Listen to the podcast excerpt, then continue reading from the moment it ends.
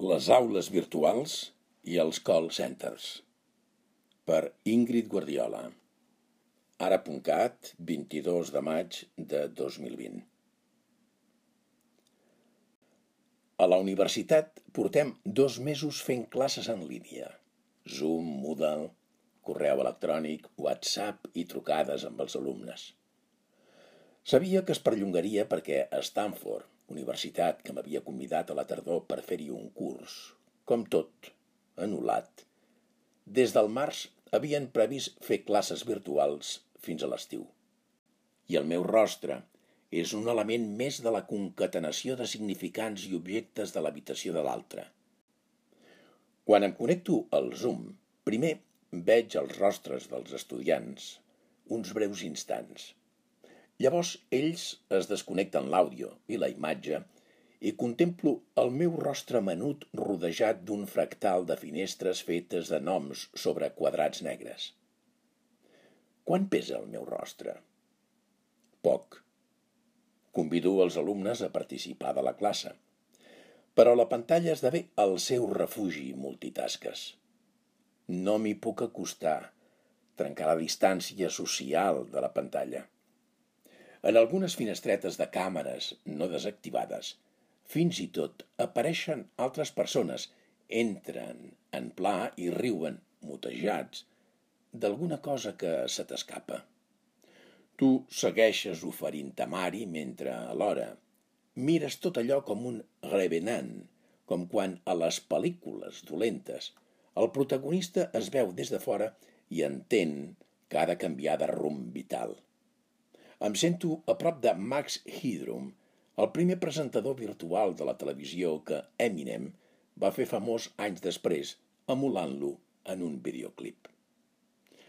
Roland Barthes, a Mitologies, diu sobre el rostre de Greta Garbo.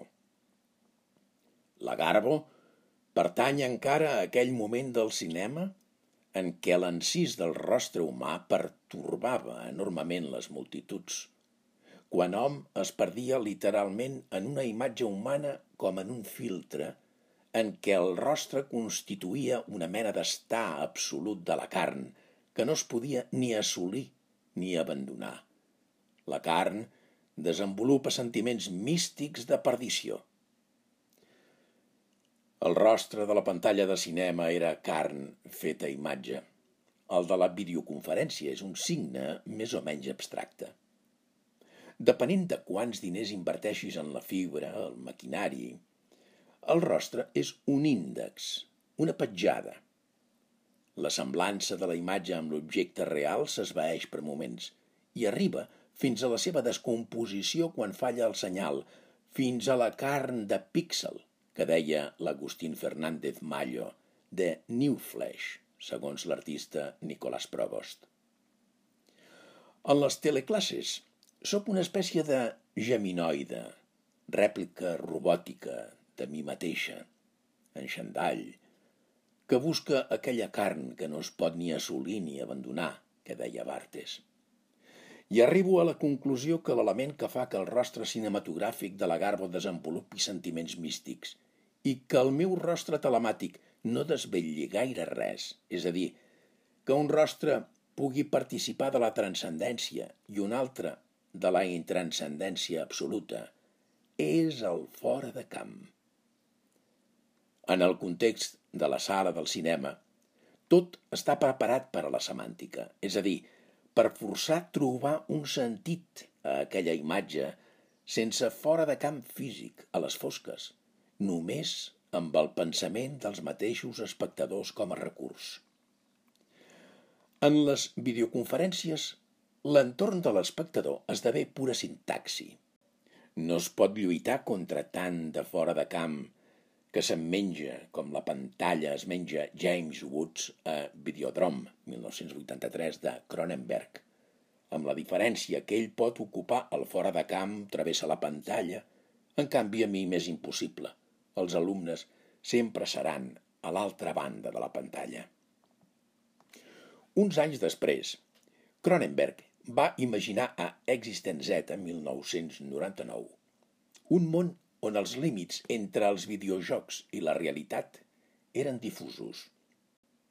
El que ens ensenya aquesta pel·lícula, segons Mark Fisher, és que en el capitalisme cognitiu podem treballar amb els efectes i la lingüística de manera que el treball no sigui cognitiu, com els participants del videojoc de la pel·lícula que naveguen com a autòmats o es dediquen al treball en cadena dins del mateix videojoc. Fisher posa de referència als call centers, on les tasques s'executen de manera atenta, però sense necessitat de pensar. També indica que la majoria de minoristes ja no fan els productes, sinó que en són mers distribuïdors. El mateix passa amb el món digital. Per al treballador no cognitiu, el pensament és un privilegi al qual no té dret, remata Fisher. Les classes virtuals tenen alguna cosa de call center, de treball no cognitiu o poc cognitiu, sobretot si s'intenta fer com si tot seguís igual, mantenint els horaris, els temaris o el mètode d'avaluació, mentre els nostres espais domèstics i socials acullen guerres paral·leles. La universitat ens ofereix canviar l'aula pel paquet educatiu de Google en despatxos casolans a compte de l'usuari.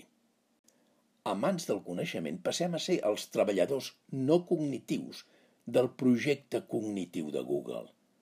Mentrestant, l'escletxa digital genera poc escàndol, s'entoma com un mecanisme de selecció natural.